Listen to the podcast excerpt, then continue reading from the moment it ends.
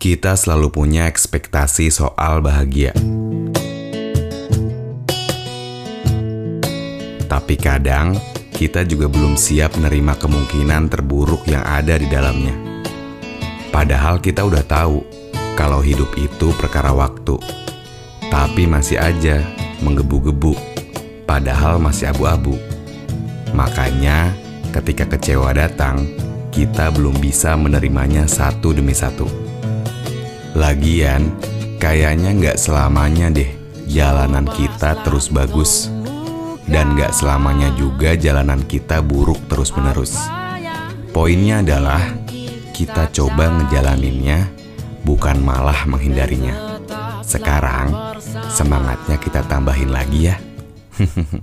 Semua cerita dalam setiap hidup Takkan selamanya indah. Takkan selamanya buruk. Coba selalu hadapi